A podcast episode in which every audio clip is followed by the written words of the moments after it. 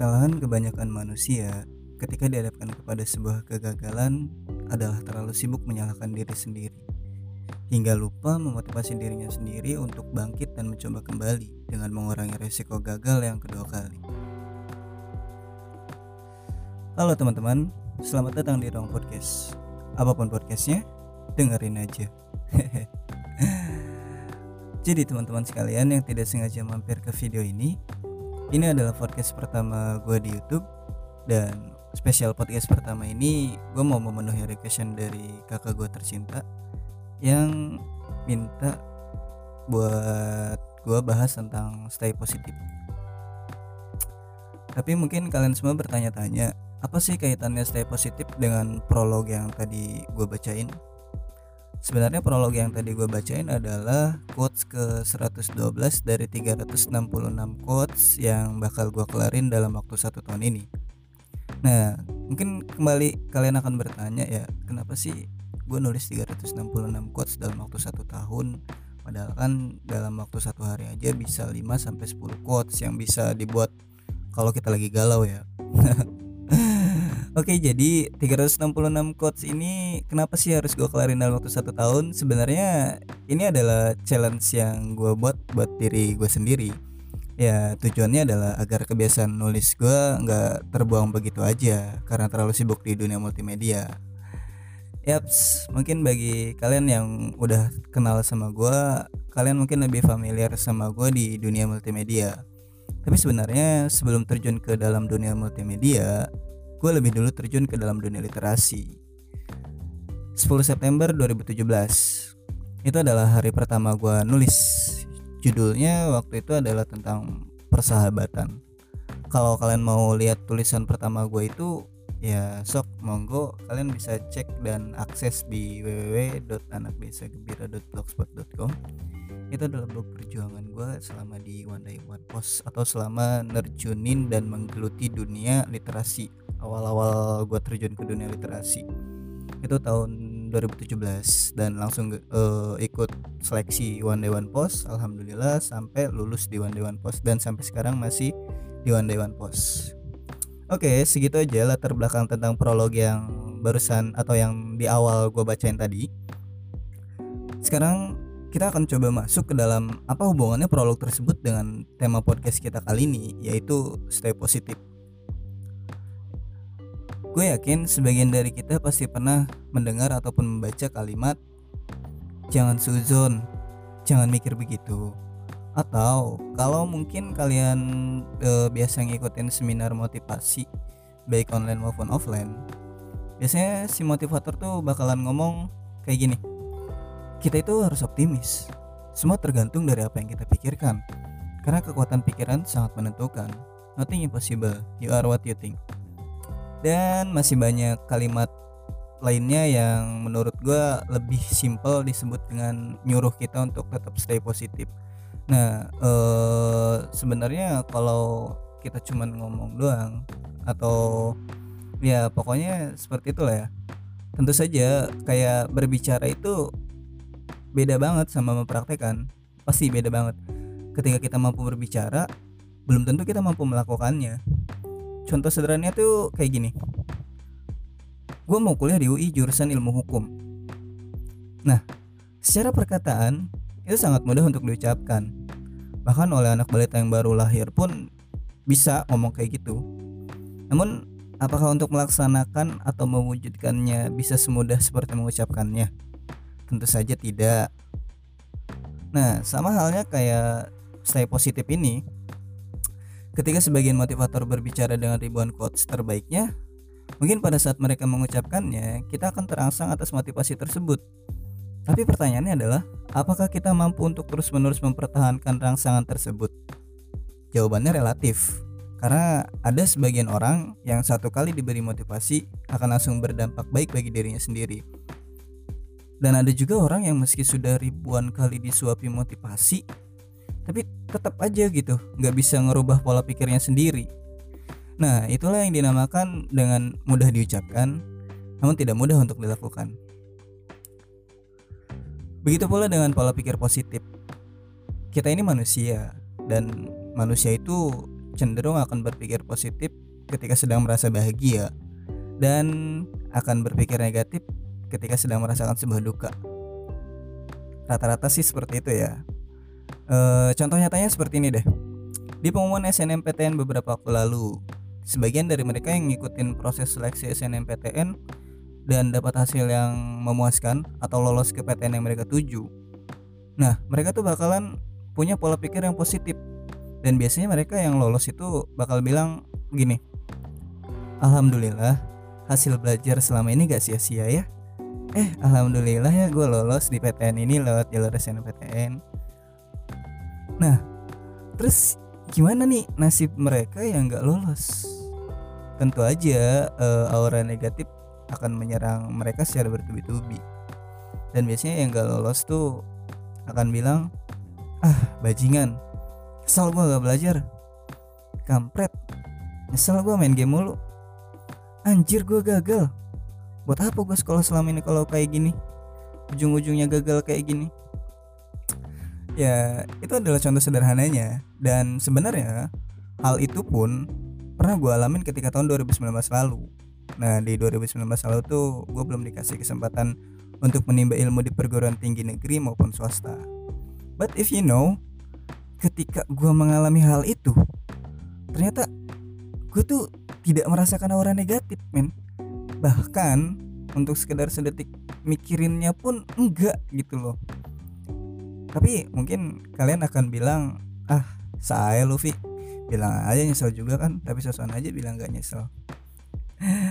Nah dari sini aja kalian sudah berpikir negatif men. Padahal gue baru mau memulai ceritanya.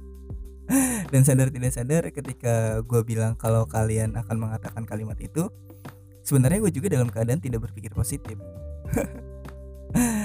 lantas kenapa gue nyebut kalian berpikiran negatif padahal gue sendiri berpikiran negatif ya mungkin kalian yang lagi dengerin bingung ya oke gini gini gini sekarang kita sedikit bergeser kepada teori matematika. Yang mana ketika negatif bertemu dengan negatif akan ditemukan sebuah hasil positif. Nah, kenapa gue bisa berpikiran negatif terhadap kalian? Karena melihat dari sebuah kebiasaan pola pikir manusia yang cenderung tidak mudah percaya terhadap suatu hal yang sama-sama mereka alami, namun dengan respon yang berbeda.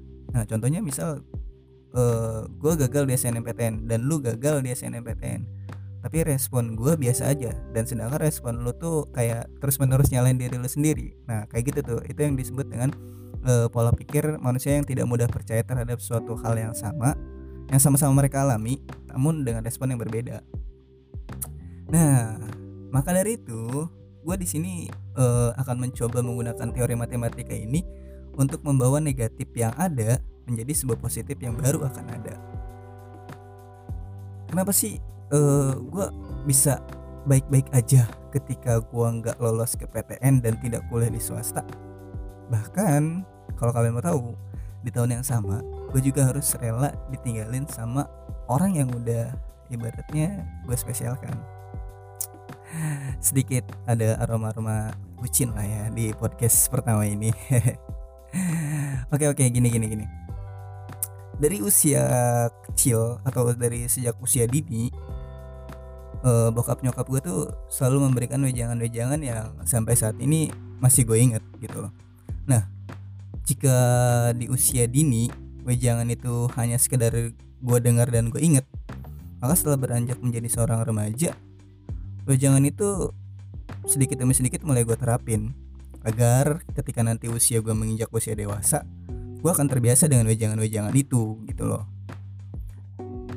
Terus apa sih isi dari wejangan orang tua gue tuh?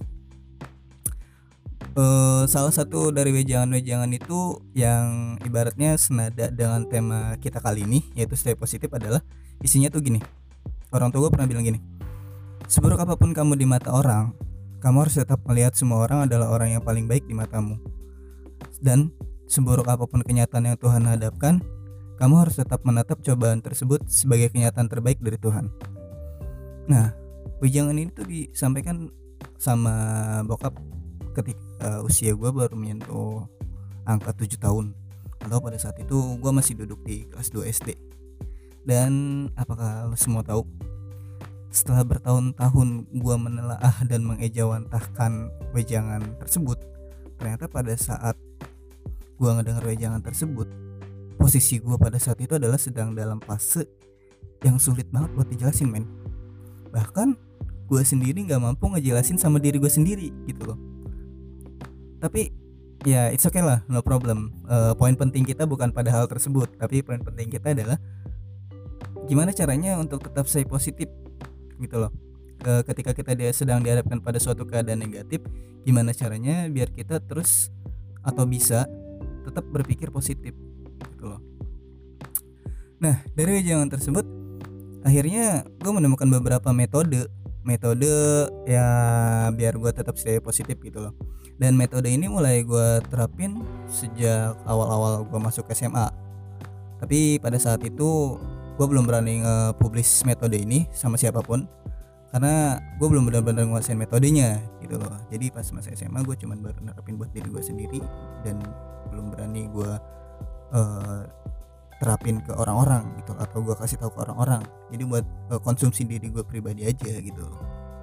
Nah untuk metodenya itu sendiri yang pertama adalah uh, atau metode yang gue lakuin biar gue tetap stay positif dalam keadaan negatif adalah gue akan mencoba mencari pola pikir uh,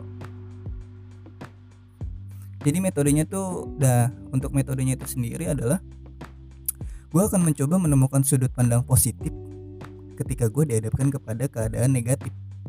Nah contohnya adalah gini ketika uh, awal-awal gue masuk SMA gue tuh seakan dibawa balik lagi dan dibawa bernostalgia sama masa SMP gua yang mana pada saat itu pas masa SMP ya gue tuh selalu naik bersyarat men dari kelas 1 sampai dengan lulus. Bahkan sampai dengan lulus pun gue harus bersyarat gitu loh. Dengan catatan kalau gue di SMA itu nggak bisa bawa nama baik sekolah gue pas SMP bisa jadi gue tidak nggak jadi lulus gitu loh. Itu pengalaman gue pas SMP nah ketika gue SMA gue mulai terapin tuh gue harus nyari sudut pandang positif dalam keadaan negatif Nah keadaan gue kan pada saat itu negatif tuh karena lulus bersyarat dan selalu naik bersyarat. Akhirnya gue nanya sama diri gue sendiri, apa sih poin penting dan hal positif yang bisa gue dapetin dari apa yang gue alamin gitu. Akhirnya setelah gue bertanya sama diri gue sendiri, ya akhirnya gue tahu gitu loh. Hal positif yang gue dapat adalah akhirnya gue tahu kesalahan gue di sebelah mana dan gue juga jadi tahu hal apa yang gue harus lakuin untuk ke depannya biar gue nggak kembali ke dan nggak kembali terjebak di masa lalu gitu loh. Terus ketika gue di uh, cerita lain ya, uh, ketika gue dihadapkan kepada sebuah kenyataan bahwa gue nggak lolos di perguruan tinggi negeri, baik melalui jalur SNMPTN, SBMPTN maupun mandiri, bahkan gue juga nggak bisa kuliah di swasta, gue kembali bertanya sama diri gue sendiri, kira-kira dari kejadian ini tuh apa sih yang bisa gue ambil? Akhirnya setelah berhari-hari gue bertanya sama diri gue sendiri akhirnya gue nemuin jawabannya melalui diri gue sendiri. Jadi hal positif yang bisa gue ambil dari nggak kuliahnya gue di tahun 2019 ini atau ibaratnya yang biasa kita kenal dengan istilah gap year nah ternyata hal positif yang gue dapetin tuh gue bisa mengeksplor beberapa kampus negeri dan swasta ternama yang ada di Indonesia sambil mencari celah dari rapatnya persaingan dan tingginya biaya untuk masuk ke perguruan tinggi negeri dan swasta yang memiliki kualitas terbaik di kelasnya tersebut gitu loh. Jadi selama gue gapir nih gue gue mulai uh, gue gue bisa ngunjungin UI gue bisa tahu UI terus kampus-kampus lain uh, kampus-kampus swasta lain. Gue bisa ngunjungin binus yang biaya kuliahnya luar biasa banget men swasta kelas negeri. Gue bisa ngunjungin binus tanpa punya status ibaratnya tanpa punya status mahasiswa gitu loh. Gue bisa mengunjungi di sana gue bisa masuk ke ruang-ruang kelasnya. Bukan ruang kelasnya sih kayak bisa tahu loh ini ruangan film ini ruangan uh, eh, DKV ini ruangan ini ruangan itu. Gue jadi tahu gitu. Bahkan bukan cuman binus uh, Universitas Multimedia Nusantara pun gue bisa masuk ke sana men. Sendirian gitu loh. Dah dari masuk masuk yang gue ke UI ke perguruan tinggi swasta yang lain itu tuh gue nggak cuman main aja ke sana tapi gue juga cari informasi sama kakak-kakak mahasiswa yang udah kuliah di sana. Gue ngobrol banyak sama mahasiswa UI yang jurusan ilmu hukum. Gue bisa ngobrol sama mahasiswa binus yang jurusan perfilman. Gue bisa ngobrol sama mahasiswa Universitas Multimedia Nusantara yang jurusan DKV gitu loh. Jadi akhirnya dari situ itu adalah hal positif yang gue dapetin ketika gue harus gapir di tahun 2019 gitu loh nah begitupun dengan kejadian ditinggal pas lagi sayang-sayangnya. Yang juga gue alami di tahun yang sama yaitu 2019 pada saat itu kurang lebih sekitar bulan uh, November. Pas waktu itu gue ditunjuk jadi tua pelaksana sebuah kegiatan kegiatan rutin alumni. Dan gue lagi ibaratnya apa ya lagi stres-stresnya men. Kayak lagi stres-stresnya mikirin uh, kegiatan itu. Kayak lagi stres-stresnya mikirin uh, orang tua yang nyuruh kerja pada dan gue belum kerja gitu kan segala macamnya lah pokoknya. Ditambah itu gitu loh gue ditinggal yang seharusnya gue tuh butuh support tapi gue malah ditinggal. Jadi kebayang lah, lah gimana downnya gue tapi dari kejadian gue ditinggal itu gue kembali bertanya sama diri gue sendiri uh, hal positif apa sih yang bisa gue dapetin dari gue ditinggal sama orang yang udah lama gue spesialkan ini. Akhirnya setelah gue kembali bertanya sama diri gue sendiri gue bertanya uh, gue ngurung diri dari beberapa hari dari publik gitu kan ibaratnya. Lebay banget. Ya pokoknya kayak gue menyendiri lah gitu sampai gue harus ngedaki ke Gunung Gede di Jawa Barat. Itu gue sambil nanya sama diri gue sendiri dan gue sambil bercerita dengan alam semesta karena menurut gue jawaban terbaik dari segala problematika tuh adalah alam semesta.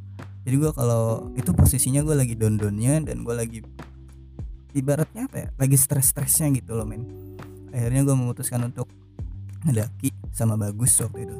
Nah setelah gue ngedaki gue gue gue coba ibaratnya uh, murojaah diri.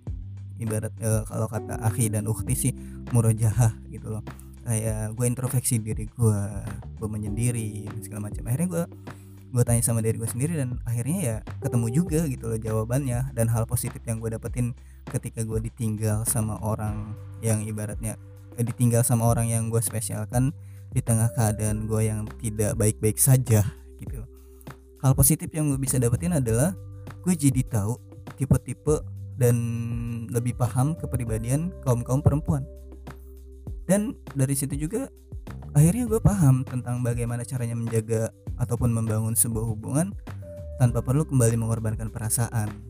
Gitu loh. Nah jadi teruntuk lu yang sekiranya mengalami sebuah kegagalan atau apa pun hal yang menurut lu itu tidak sesuai dengan apa yang lu harapkan belajarlah untuk tidak berpikir negatif terlebih dahulu uh, tapi cobalah untuk mencari hal positif dari keadaan yang negatif gitu loh. Misal contohnya kayak tadi ketika lu gagal di SNMPTN SBMPTN atau digagal di tingkat mana pun lah ya lu jangan mikir kalau lu gagal gitu loh. Tapi lu mikir uh, cari hal positifnya dulu. Karena dengan tetap stay positif kita tuh akan terus menerus tidak pernah merasa gagal men.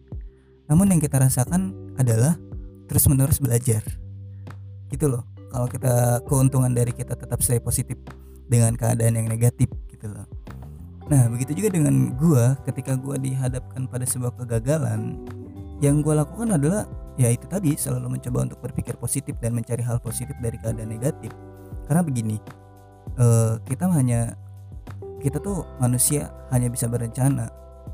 Selebihnya ya Tuhan yang menentukan gitu loh dan gak semua yang kita harapkan akan diberikan di waktu yang bersamaan. Kayak contohnya tuh kayak gini. Kita berdoa diterima di PTN tahun 2020 tapi ternyata Tuhan punya rencana lain untuk kita. Jadi ketika kita gagal masuk PTN di 2020 bukan berarti doa kita nggak didengar. Tapi kita sedang diberikan hal yang lebih baik dari apa yang kita harapkan. Gitu loh. Jadi kita harus tetap sabar dan terus ikhtiar. Percayalah skenario Tuhan itu udah yang paling terbaik lah And now uh, kita bakalan bahas kaitannya stay positif dengan prolog atau quotes tadi tuh yang gue bacain di awal tadi. Nah di quotes tadi tuh gue bilang kalau kesalahan kebanyakan manusia ketika dihadapkan pada sebuah kegagalan adalah terlalu sibuk menyalahkan diri sendiri hingga lupa buat motivasi dirinya sendiri biar bangkit dan mencoba kembali dengan mengurangi resiko gagal yang kedua kali. Nah, seperti di awal-awal yang gue sampaikan tadi, manusia-manusia seperti ini biasanya berpikir negatif karena mereka berada di keadaan negatif. Seandainya mereka berada di keadaan positif atau senang, ya tentu aja mereka akan cenderung berpikir positif. Dan beberapa waktu lalu, gue tuh sering lihat postingan orang-orang di sosial media tentang kegagalan yang mereka alami ya rata-rata mereka semua menyalahkan diri mereka sendiri padahal sebenarnya tidak ada sebuah kegagalan yang ada hanyalah sebuah pembelajaran. Nah sama halnya yang kayak yang tadi gue alami lah. Ketika gue gagal gue nggak diem dan gue nggak nyalahin diri gue sendiri gitu loh. Tapi gue mencoba mencari hal positif. Hingga akhirnya gue bisa bangkit dan dengan demikian gue bisa mengurangi resiko gagal yang kesekian kalinya gitu loh men. Nah kalau lo semua mau tahu berapa kali gue dikecewain di tahun 2019 jujur aja banyak bidang yang sempet jadi tujuan gue dan ternyata gue nggak bisa mencapainya. Gue pengen masuk angkatan udara tapi nggak bisa karena fisik gue terus gue pengen masuk ke dinasan juga nggak bisa karena otak gue nggak nyampe. Terus gue nggak masuk PTN karena nilai gue jelek. Ditambah gue ditinggal pas lagi sayang-sayangnya karena mungkin gue nggak punya banyak materi kali ya ya ya pokoknya itulah banyak banget tujuan gue dan bahkan kalau lo mau tahu nih ketika di tahun 2019 itu ada uh, apa namanya ada beasiswa untuk ketua osis. But gue nggak bisa ikut itu. Padahal gue adalah seorang ketua osis.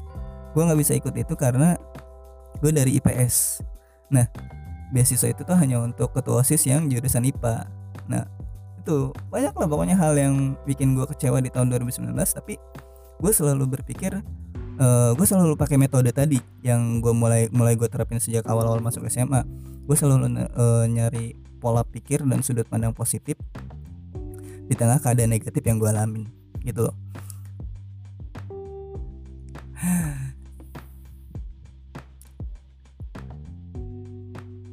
Karena gini loh men. Apa pun yang kita hadapi sebenarnya ini hanya soal bagaimana cara kita menerima dan mencernanya gitu loh. Kalau kita menerima dan mencerna keadaan negatif itu ya tentu aja kita bakal selalu berpikir positif. Dan pasti akan ada hal yang lebih baik dari apa yang kita harapkan gitu loh. Dan kalau lu mencerna dan menerima keadaan negatif ini dengan negatif kembali Iya gimana ya? Lu malah yang ada terus menerus nyalahin diri lu sendiri gitu loh. Karena setiap apa pun uh, eh, gue sih selalu percaya sih ya karena setiap apa pun itu selalu memiliki dua sudut pandang positif dan negatif gitu loh. Terakhir uh, sebagai penutup di podcast pertama ini uh, btw buat kalian yang udah dengerin sampai akhir sampai sampai menit sekarang nih sampai detik sekarang thank you banget udah dengerin bacotan gue yang gak nyambung ini yang gak ada isinya ini. Thank you banget buat kalian yang udah dengerin bacotan kosong gue ini. Terakhir gue mau tutup sama ini deh. Uh, kalian pasti tahu ya uh, pasti sebagian dari kalian tahu lah apa itu buah durian. Tapi gue yakin juga sebagian dari kalian juga ada yang suka durian ada yang gak suka sama durian. Tapi gini men.